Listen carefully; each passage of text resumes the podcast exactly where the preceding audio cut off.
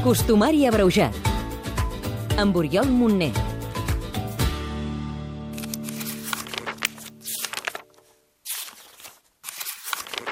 Aquí. Arriba la Pasqua. Per Pasqua, carn de corder. Per Nadal, de galliner.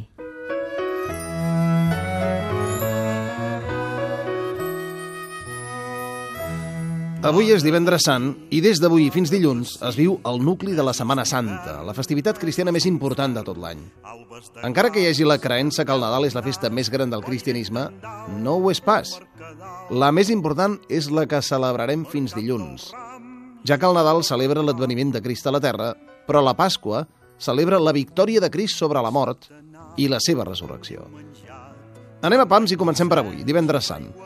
Avui és un dia de recolliment i penitència extrems. Avui es culmina el procés que vam iniciar fa setmanes, amb el dimecres de cendre, i que hem observat durant tota la quaresma. Avui és el dia en què van crucificar Crist. Lluís Garcia, historiador. Es commemora la passió i, i mort de Jesucrist, és a dir, el moment en què el van crucificar. I d'aquí hi ha la, la tradició de fer processons recordant el Via Crucis, eh? aquest camí de la creu, que es podia fer en altres èpoques, però que especialment era el divendres sant, el dia per marcar el, el Via Crucis. Actualment és el, el primer dia estrictament festiu. Avui és l'únic dia de l'any, per exemple, en què no es consagra el pa i el vi, sinó que es combrega amb la reserva del dia anterior. Divendres és, el- és el dia més sacrificat de tots. Eh? Sí.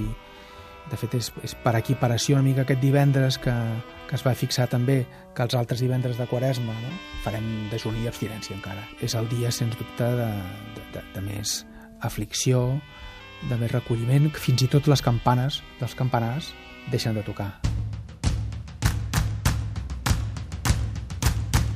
I si avui és el dia de la penitència per excel·lència, diumenge serà el dia gran de la Pasqua. El diumenge de Pasqua o de Resurrecció, dia de missa. Al vespre abans hi ha la vella pasqual, en la qual es beneix el foc i l'aigua. El foc representa la vida de Crist i l'aigua s'utilitzarà en els batejos. És el dia gran, el dia de joia per excel·lència. És la, la gran festa cristiana, igual que és la gran festa jueva també, i entronca d'allà. És la gran festa cristiana, és la, la de la Pasqua, la de la resurrecció de, de Jesucrist. De fet, és un moment de molta alegria i, i, i d'aquí ve que sigui en aquesta època, no? Eh, diumenge i dilluns, sobretot, que tradicionalment s'organitzaven les caramelles.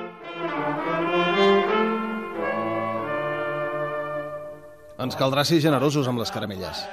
Va, que ja haurem acabat el període de privacions de la quaresma. la canalla fa, va per les cases cantant i, i fent recat d'uns aliments que després aniran a, a consumir de manera, de manera col·lectiva. I llavors anar a fer una, una berenada, que era on es consumia la mona.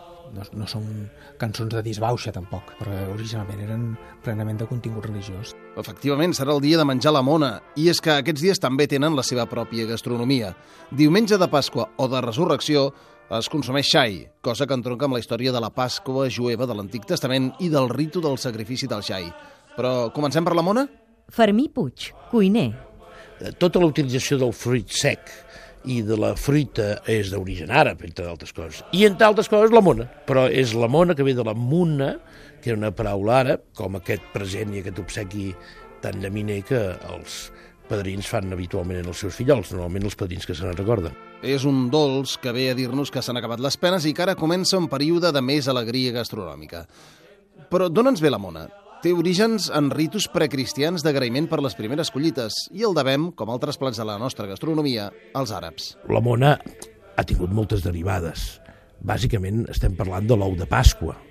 L'ou, eh, les cultures occidentals van agafar com un símbol en aquest sentit, no?, de la Pasqua, i, i d'aquí a aquí em va derivar el tema de la xocolata. Però en principi, la mona de Pasqua que era una coca, on a més a més s'hi posaven o es feien servir tants ous com banys tenia la criatura. I el bacallà que ens mengem el divendres sant és un plat que comença a adquirir la rellevància que té ara al segle XVII i té tota una litúrgia. El bacallà és el gran substitutiu de la carn eh, de quaresma i aquest bàsicament era un bacallà que portava eh, ous durs, portava panses, portava pinyons, portava pèsols, portava carxofes, és a dir, alguns dels productes ja més nobles de la primavera, un grandíssim plat de la cuina catalana. Tornant als ous de Pasqua i el conill, que en altres indrets d'Europa també es presenten en aquests dies, aquí us en servim l'explicació.